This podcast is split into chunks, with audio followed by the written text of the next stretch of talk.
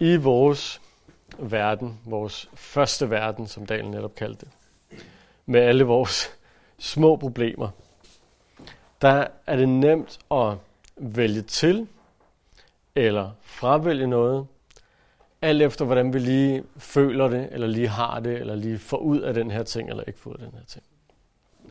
Hvis vi ikke kan lide kaffen hos Barasso, eller burgeren hos McDonald's, så tager vi over på Starbucks eller Burger King i stedet for.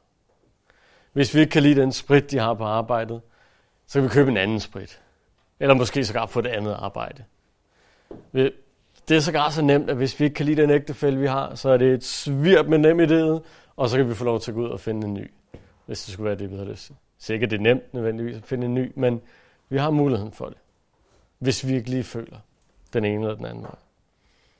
Hvis vi ikke kan lide nogle af de en million film, som enten Netflix har eller Simon har, jamen, så kan vi gå over til HBO eller Disney Plus i stedet for. Det er nemt at vælge til eller vælge fra i vores verden. Men for os som kristne, så er der én ting, som vi især altid er nødt til at holde fast i. Også din ægtefælde, også dit HBO-abonnement osv., men der er især én ting, der er vigtigt at holde fast i. Det er, hvilken Gud vi tilbeder. Uanset hvordan vi har det eller føler det. Og det er der en meget, meget vigtig grund til. Det er, at Gud han er værdig til at blive tilbedt. Uanset hvordan vi har det. Det er ikke på grund af det, han giver. Det er ikke på grund af det, han gør. Det er fordi, han i sig selv er værdig til at blive tilbedt.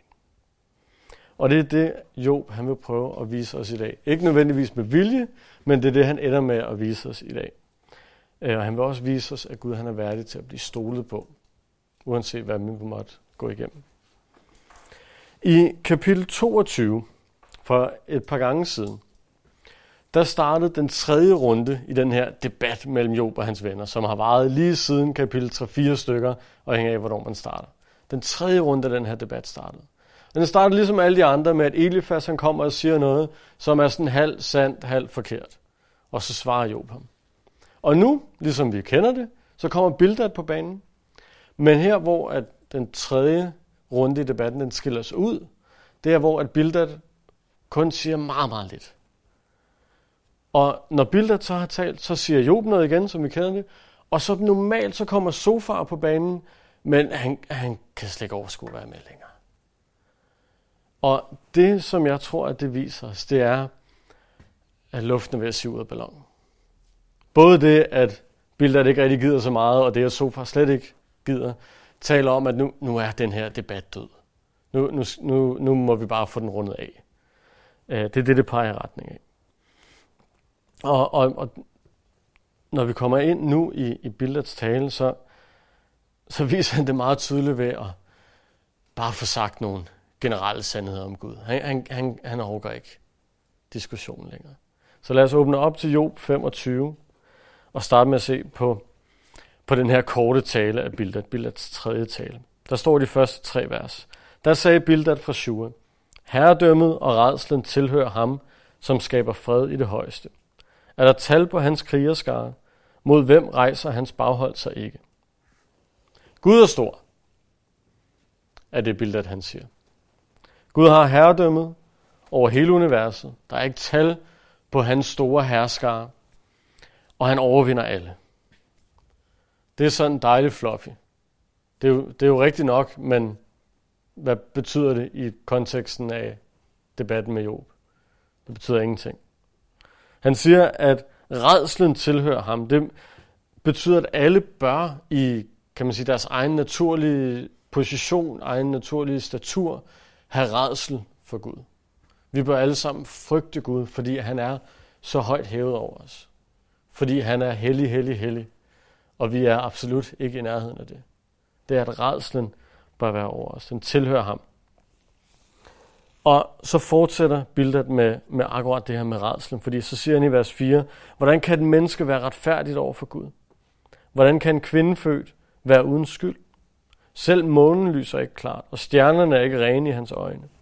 Hvor meget mindre der er mennesket, den madike, menneskebarnet, den ord. Intet menneske er retfærdigt over for Gud. Job, han, han levede retfærdigt blandt mennesker.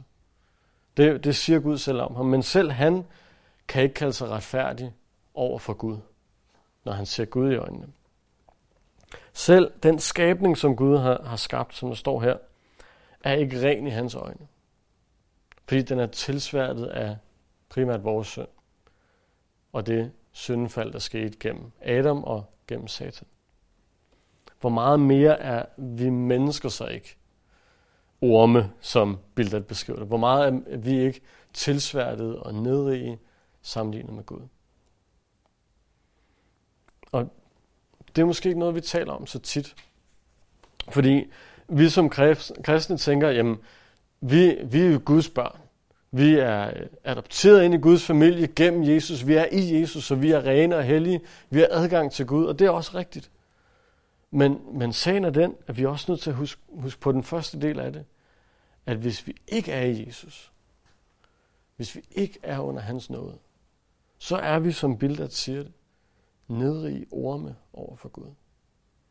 Fordi han er så højt ophøjet over os. Det er ikke bare, at vi har fået med, lov til at være med i klubben, eller at øh, oh, Gud han er, han er lidt venlig mod os, så, så vi må godt lege med ham. Vi, vi, vi er nødt til at se, hvor stort et spænd der er mellem os i vores naturlige position og imellem Gud i hans hellighed, i hans ophøjethed. Fordi kun ved at se forskellen, så kan vi se, hvor langt Jesus han har taget os. Så kan vi for alvor se, hvad det er, Jesus han har gjort for os.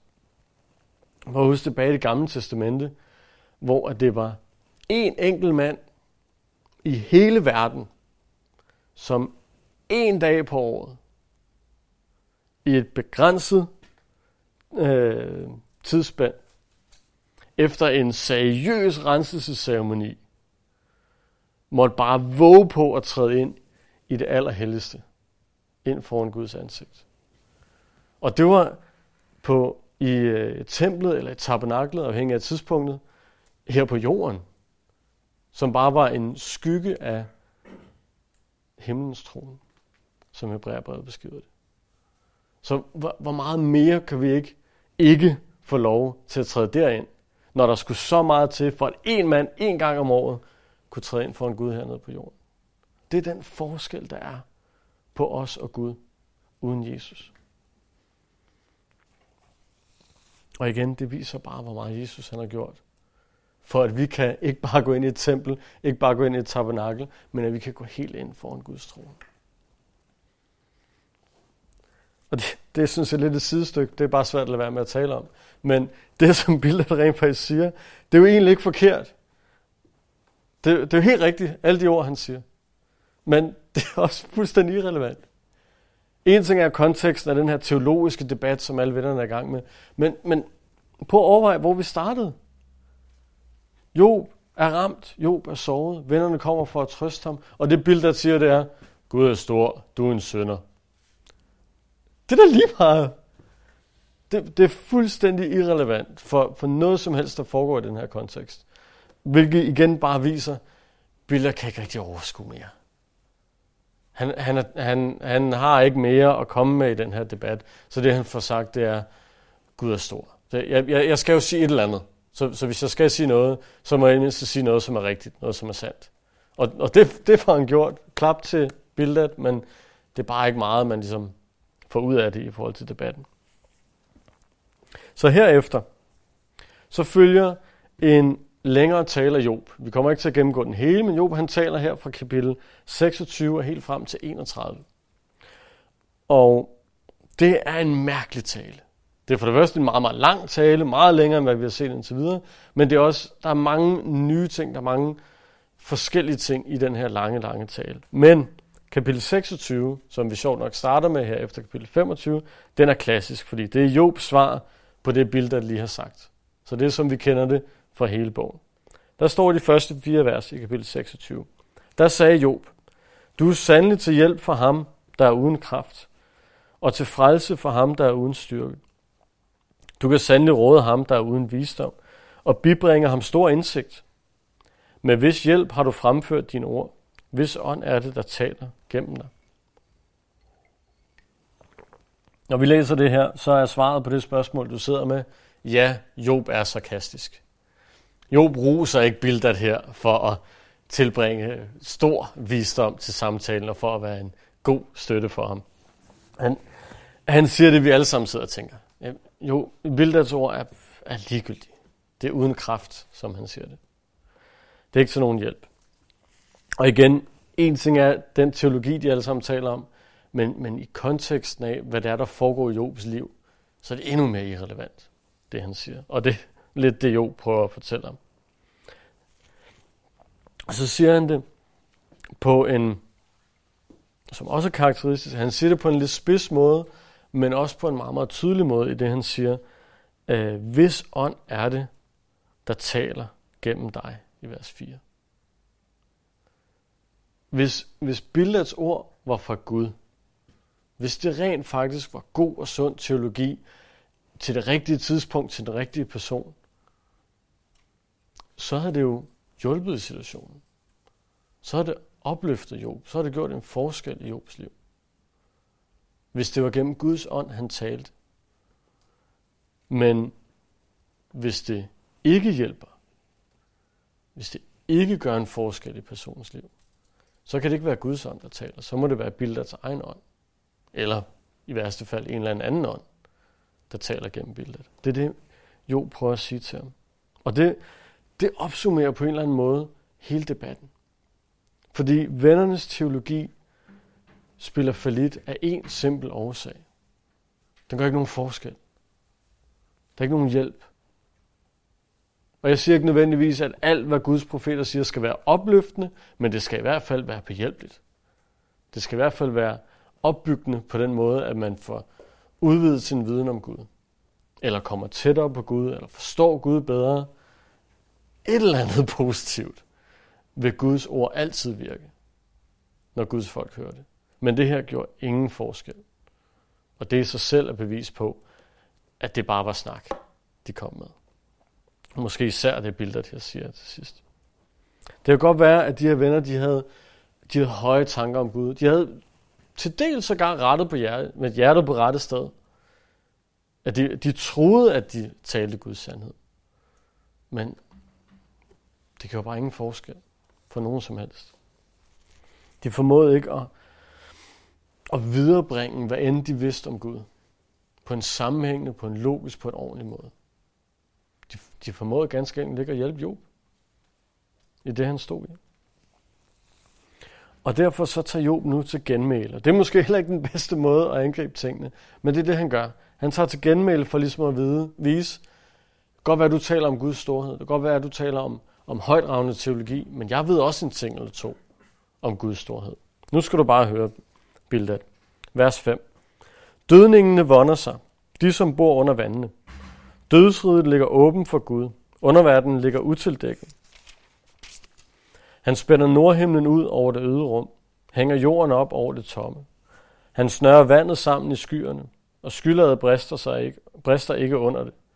Han dækker fuldmånens ansigt. Han lader skylladet brede sig over det. Han trækker en grænse rundt om vandene, hvor skældet mellem lys og mørke går. Himlens søjler svejede. De blev slået af redsel ved hans trussel.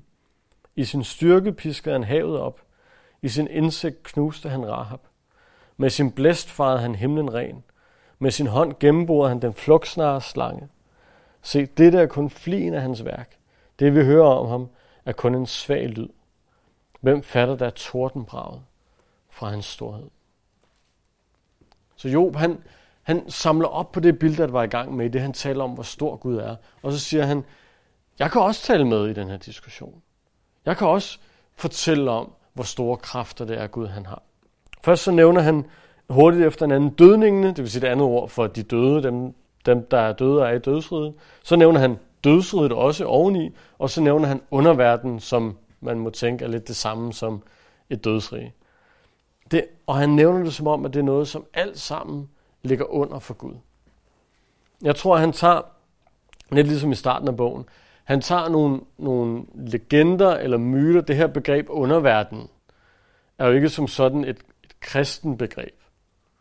At, at der skulle være en underverden, ligesom vi, nu har jeg lige set Herkules med drengene den anden dag, hvor der er en underverden med øh, den græske gud Hades, som reagerer dernede. Vi har også ordet Hades i Bibelen, det betyder noget lidt andet. Der er ikke en underverden som sådan i, i, den, i den kristne teologi med, med onde kræfter, der, der kæmper imod de gode kræfter, som om, at de er, er modpoler mod hinanden.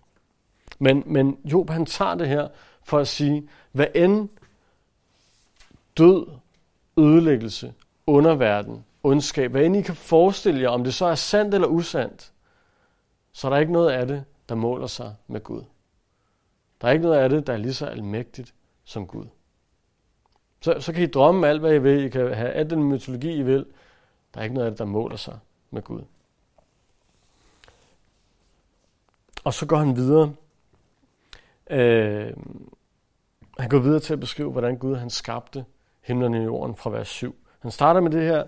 Gud er mægtigere end døden. Alle dødens kræfter. Gud han er også mægtig over jorden, fordi det er ham, der har skabt den. Og det er så lidt interessant at bemærke i vers 7, at, at Job han siger, at øh, Gud han hænger jorden op over det tomme. Han kunne også have sagt, at øh, Gud har placeret jorden på ryggen af en skildpadde. Eller Gud har placeret jorden i hænderne på en stor kæmpe, der hedder Atlas. Eller et eller andet fjollet, som verden troede på på det tidspunkt. Det siger han ikke. Han siger, at Gud hænger jorden op over det tomme. Fær nok, det kunne man tale længe om. Det her det handler ikke om videnskab eller trosforsvar. Det, det er bare en sjov detalje, at Job han skriver det på den her måde. Men det der er pointen er, at Gud han er stor og mægtig over skabningen. Og så går Job igen ind i noget mytologi og, og nogle, nogle savn og legender, der var på det her tidspunkt, for at beskrive, hvor stor Gud er. Fordi han siger, at i det Gud, han skabte verden, i vers 12, der i sin styrke, der piskede han havet op, og i sin indsigt knuste han Rahab, den flugtsnare slange. Og vi var i dybden med den her øh, Rahab, det er ikke den samme som i Jericho. I kan huske hende, der hjælper israelitterne. Det, hun er ikke en flugtsnar slange, som var med under skabelsen. Det er bare det samme navn, tilfældigvis. Men den her Rahab, tror jeg, er den samme som Leviathan, som vi kommer til at se snart igen, som er et andet navn for Satan. Jeg, jeg tror, at, at det er noget myte, der har været på det her tidspunkt, fordi det har der været, øhm, som, som Job han så refererer til for ligesom igen at sige, selv de kræfter er Gud mægtigere end. Der, der er en rabbinsk myte, som også eksisterede på Jesu tid, om at, at den her Leviathan var en ondskabsfuld slange, som havde bosat sig i havet, mellem at Gud han først laver sin indledende skabning, og til at han former jorden, som vi kender den. Og det er jo så ikke, som vi kender dem, for der er sket meget siden. Men i den her mellemperiode har Satan lavet et eller andet i form af en ondskabsfuld havslange. Igen, det er en rabinsk myte. Nu videregiver jeg bare, hvad, hvad den siger.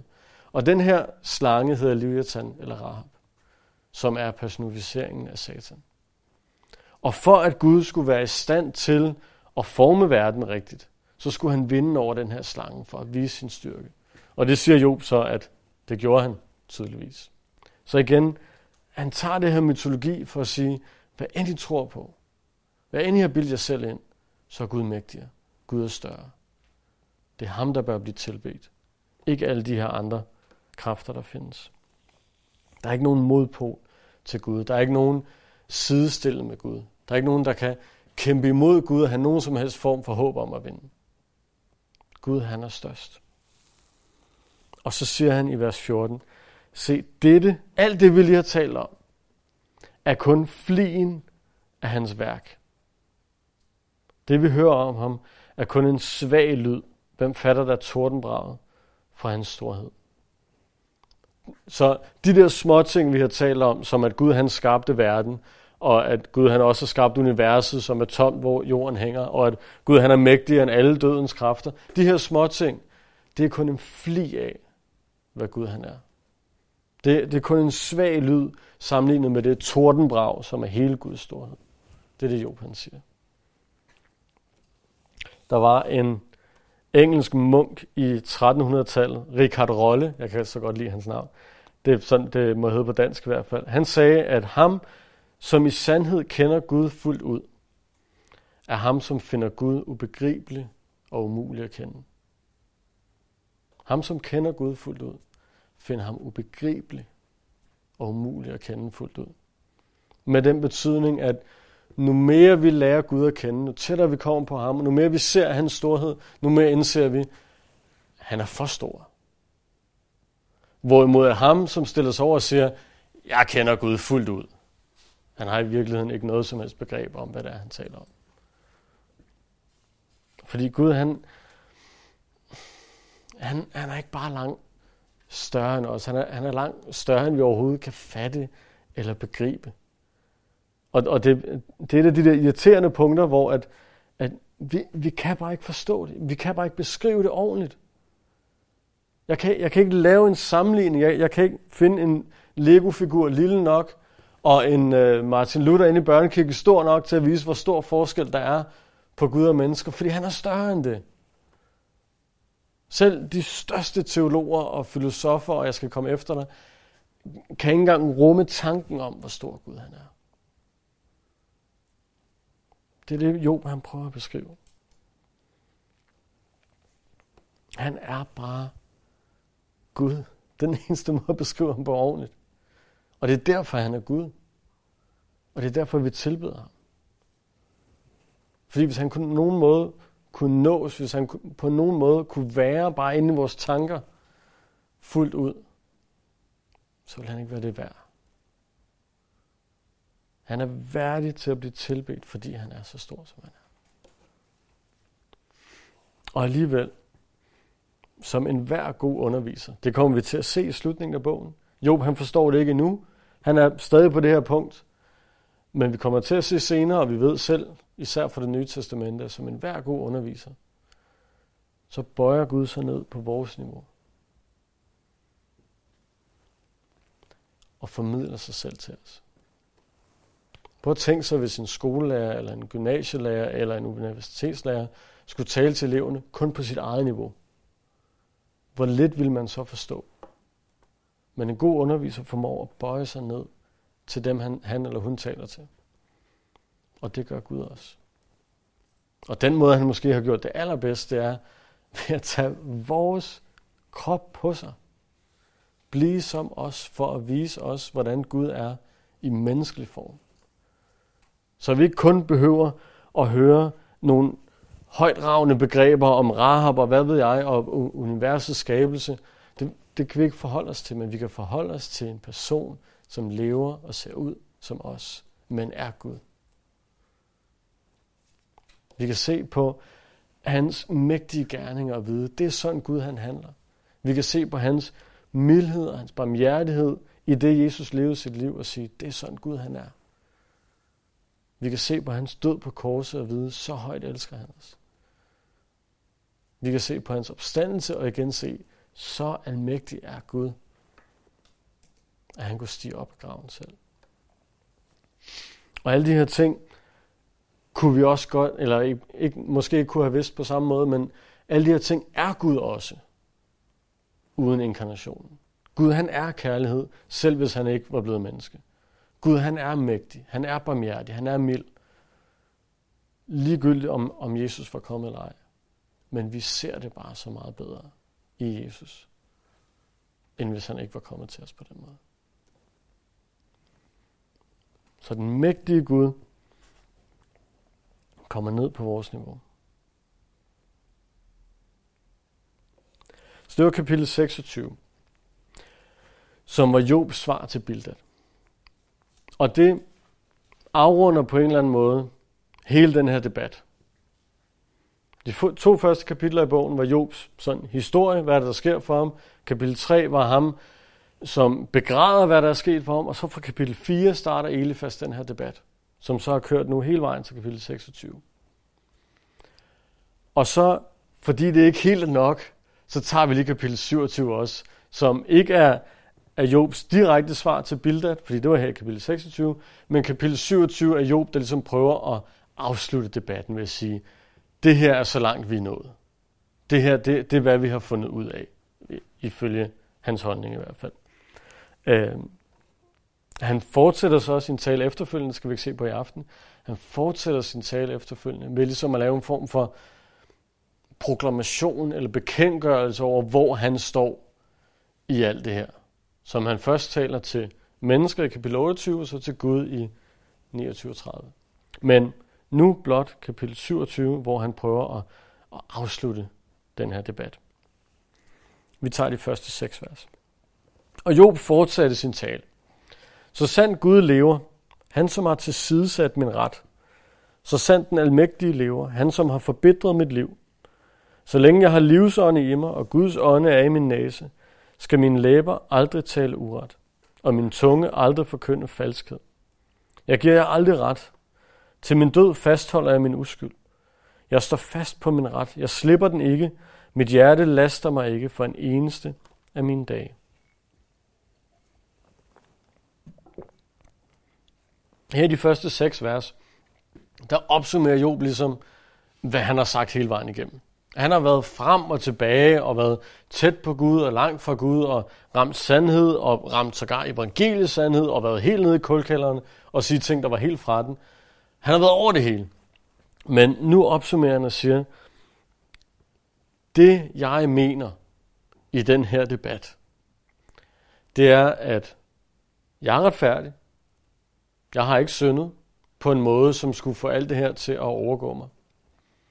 Men fordi det her det har overgået mig, og fordi jeg ikke har syndet, så må Gud have tilsidesat retten.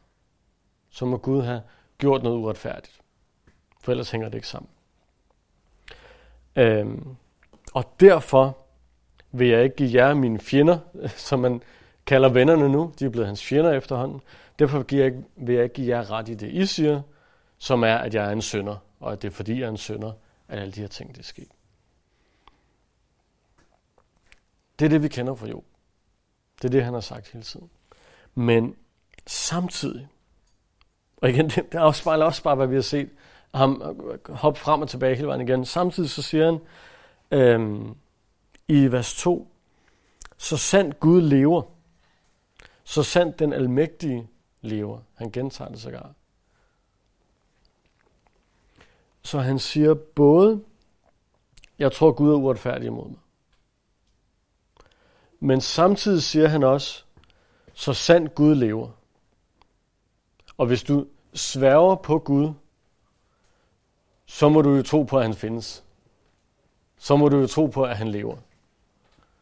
Og hvis du sværger på, at han ikke bare lever, men også er den almægtige, så må du tro på, at han er den almægtige. Så Job han viser både, at han forstår ikke, hvad der er, der foregår i mit liv. Der må være noget, der ikke stemmer overens med retfærdighed. Men samtidig så stoler jeg også på Gud, og jeg tror på Gud, og jeg ved, at det er ham, der er den sande Gud.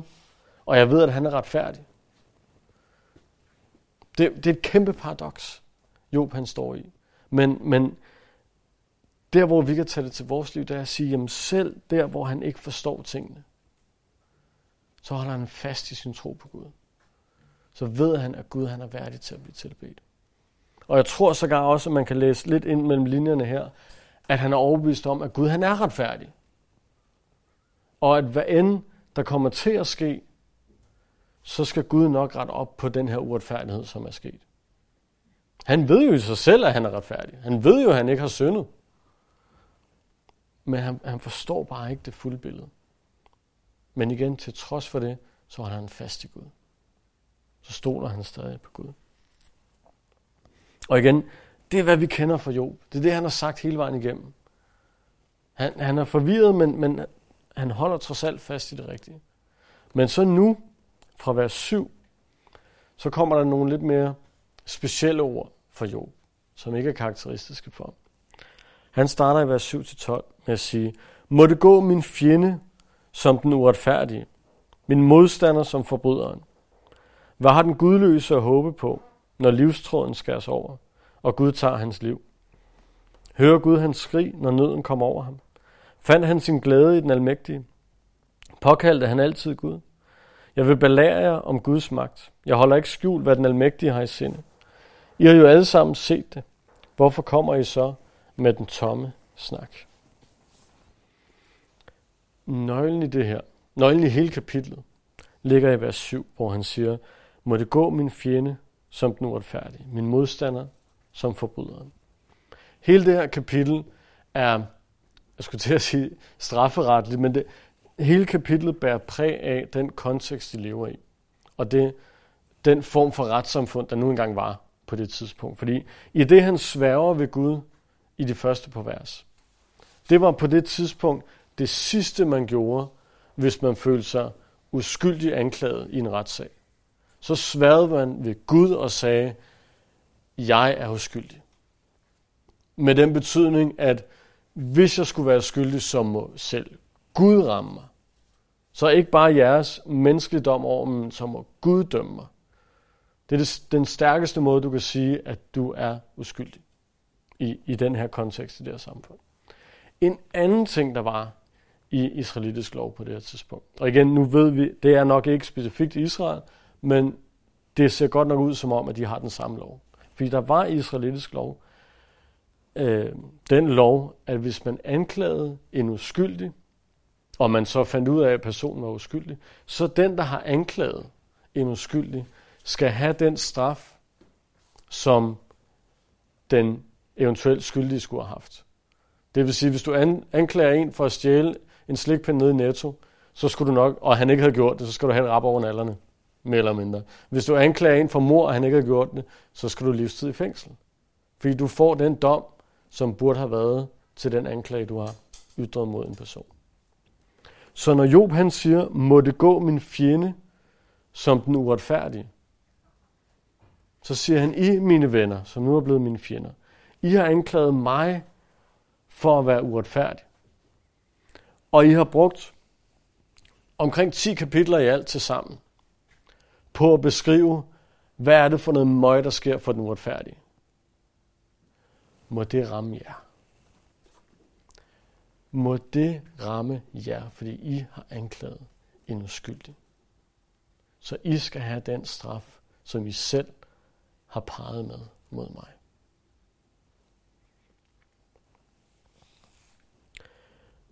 I vers 8-10, så beskriver han hykleren, som kun råber på Gud, når han er i nød. Præcis som vennerne har anklaget Job for at være en hykler, som har et ansigt udadtil og et andet ansigt over for Gud. Og så i vers 11-12, så vil han belære vennerne om Guds magt. De har påstået, at de kender Gud, men alligevel så har det bare været tom snak, uden formål, uden hjælp, uden støtte, uden noget som helst. Så nu må Job belære dem. Og det gør han så fra vers 13. Det er den lod, Gud tildeler den uretfærdige. Det er den del, voldsmænd får fra den almægtige. Hvis han får mange sønner, skal de falde for sværet, og hans afkom kan ikke spise sig mæt. Pesten skal lægge de overlevende i graven, og enkerne skal ikke græde over dem. Hvis han ophober sølv som støv og samler klæder som skidt, så lad ham samle, men den retfærdige skal klæde sig i det, og de skyldfri skal dele sølv. Han bygger sit hus som et møl, som en vogter laver han sin hytte. Som rigmand går han til ro for sidste gang, når han slår øjnene op af rigdommen borte. Redslerne indhenter ham som vandmasser. En nat fejrer stormen ham væk. Østenstormen løfter ham op, og han er væk. Den vivler ham bort fra hans hjem.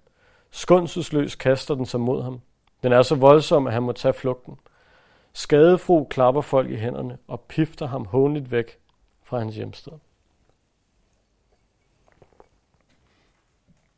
Vennernes tomme snak, som Job lige har nævnt i vers 12, det er ikke nødvendigvis tomt i de ting, de siger.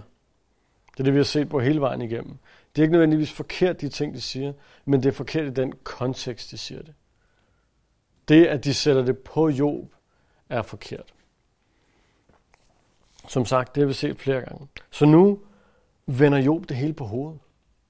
Fordi det Job han har sagt her, det er, den uretfærdige bliver straffet for sin uretfærdighed, og det gør han prompte. Mens den retfærdige skal leve længe til sin dag, øh, dages lykkelige ende. Det er akkurat det, vennerne har sagt hele vejen igennem. Det lyder så meget som vennerne, at der sågar er nogen lærte teologer osv., der siger, jamen det her, det må være Sofars tale. I ved, ham som ikke vil tale den tredje gang. Det må være, fordi Job han slutter der i vers 12, og så springer Sofar ind og siger det samme, som de har sagt hele tiden. Der er ikke sådan nogen videre, øh, hvad skal man sige, beviser i selve teksten for, at, at nu skulle det skifte. Der står jo der i 27.1, og Job fortsatte sin tale, Så jeg tror ikke, at der er blevet byttet rundt på tingene. Jeg tror, at det er Job, der siger det. Men til gengæld så tror jeg også, at det, det er hans måde at vende det hele på hovedet. For han har lige sagt, at I har anklaget mig uretfærdigt. I bør få den straf, som I har anklaget mig for at skulle få. Og den straf er det her. Og så siger han jo selvfølgelig det, som vennerne hele tiden har sagt. Det er jo helt naturligt. Så jeg tror, det er Job, der taler. Jeg tror, det er Job, der tager alt det, vennerne har sagt, og siger, må det ramme jer nu? Nu har I sagt, at det skulle ramme mig igennem alle de her kapitler. Må det ramme jer, for jeg er uskyldig. Det er det, han ønsker at afslutte den her debat med i det her kapitel. Det, der er så interessant, det er, at Job og vennerne, de er langt hen ad vejen enige.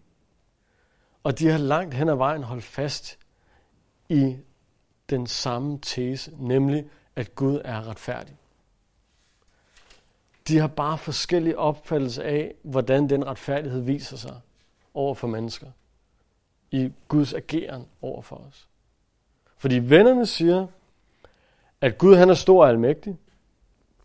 Og Job han siger, Gud er stor og almægtig.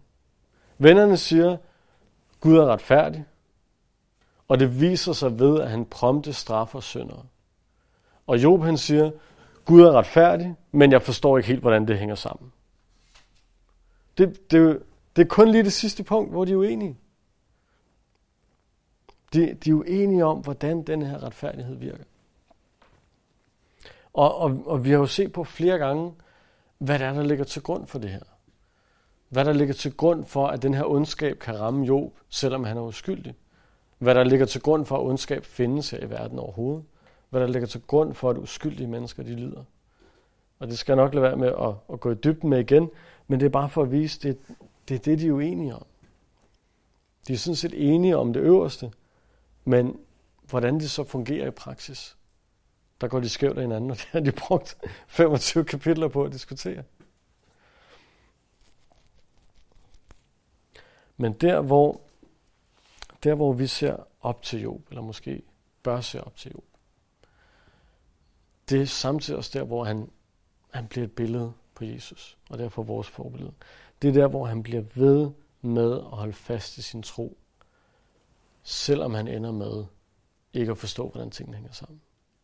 Han bliver ved med at holde fast i Gud. Vennerne kan nemt nok holde fast i Gud. De har det jo godt.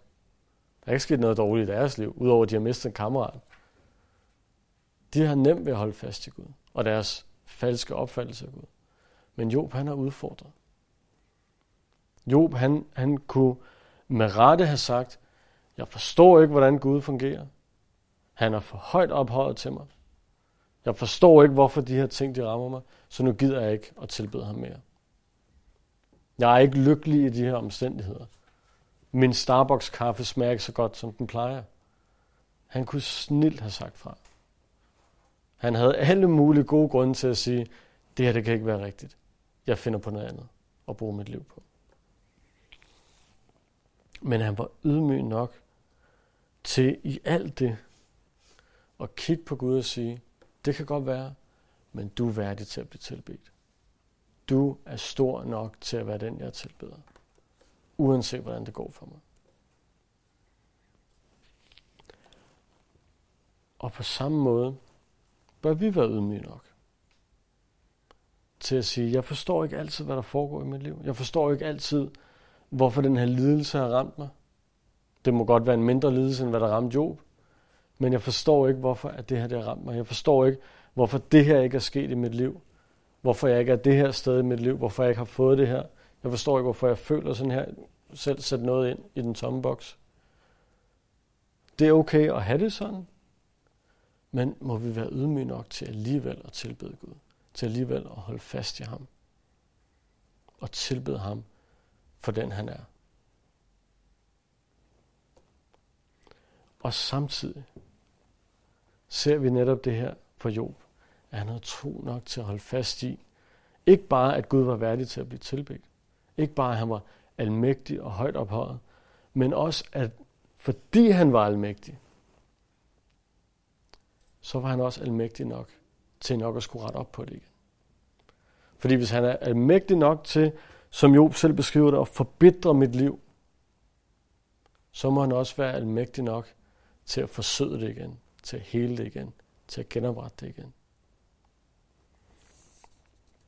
Hvis du føler en eller anden form for bitterhed i dit liv, i stedet for sødme, igen, at, at du ikke er, hvor du gerne vil være, ikke har fået, hvad du gerne vil have, så vid, at Gud, han er stor og almægtig og vis nok til at give dig ikke nødvendigvis, hvad du vil have, men hvad du har brug for. Hvis han har forbedret dit liv, så kan han også forsøge det igen. Fordi det her, at Gud han er almægtig, at Gud han er stor og højt ophøjet, det går begge veje. Det, det kigger os både direkte i øjnene og udfordrer os og siger, Gud han er almægtig. Han er værdig til at blive tilbedt. Du bør tilbede ham uanset hvad. Og det bør du. Det er tunge ord, det er lidt hårde ord, men det er sandt. Vi bør tilbede Gud uanset hvad. Men han, hans almægtighed går også ned på det helt personlige og siger, hvis han er almægtig, hvis han er almægtig, så er han også mægtig over hver eneste lille bitte detalje i vores liv. Så kan han rette op på alt, hvis han ellers ønsker det. Så hvordan ydmyger vi os og tilbeder Gud uanset hvad? Det bliver søndagsskolesvaret. Fokuser på Jesus. For jo, det er søndagsskolesvaret, men det er også det rigtige svar. Det er logisk.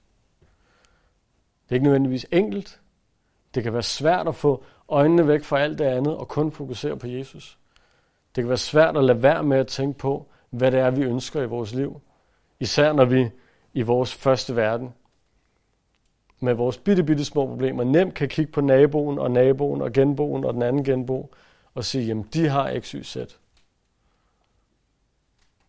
Men kun ved at fokusere på Jesus, kan vi først og fremmest få øjnene op for, hvor stor han er. Du får ikke dit hjertes øjne oplyst, hvis ikke du kigger mod lyset. Det får du bare ikke. Du får det ikke på Netflix. Du får det ikke på Barassa. Du får det ved at fokusere på ham. Og kun ved at fokusere på ham, kan vi få øjnene væk fra de andre ting. Du får ikke øjnene væk af de forkerte ting ved at stige på de forkerte ting. Det lyder så håbløst, dumt og fladt, men, men det er jo enkelt og logisk. Og ligesom at Job blev ved stedigt med at kigge opad mod Gud og stole på ham, så kan vi også gøre det. Og Gud han giver os noget til det. Lad os bede. Herre, tak for, for de her to sandheder, at du både er højt ophøjet og almægtig, og værdig til at blive tilbedt. Her tak, at vi ikke har en, en lille, svag Gud, som kan pilles fra hinanden, men at vi har den sande, levende Gud. Og her tak også for det, at vi har lov til at gå ind foran din trone. Og det er ikke bare det, men når vi kommer ind foran din trone, sidder ved dine fødder og tilbeder dig her, så bekymrer du os også for os. Og bekymrer dig om hver evig eneste lille detalje, vi måtte lægge frem for dig. Her vi priser dig. Amen.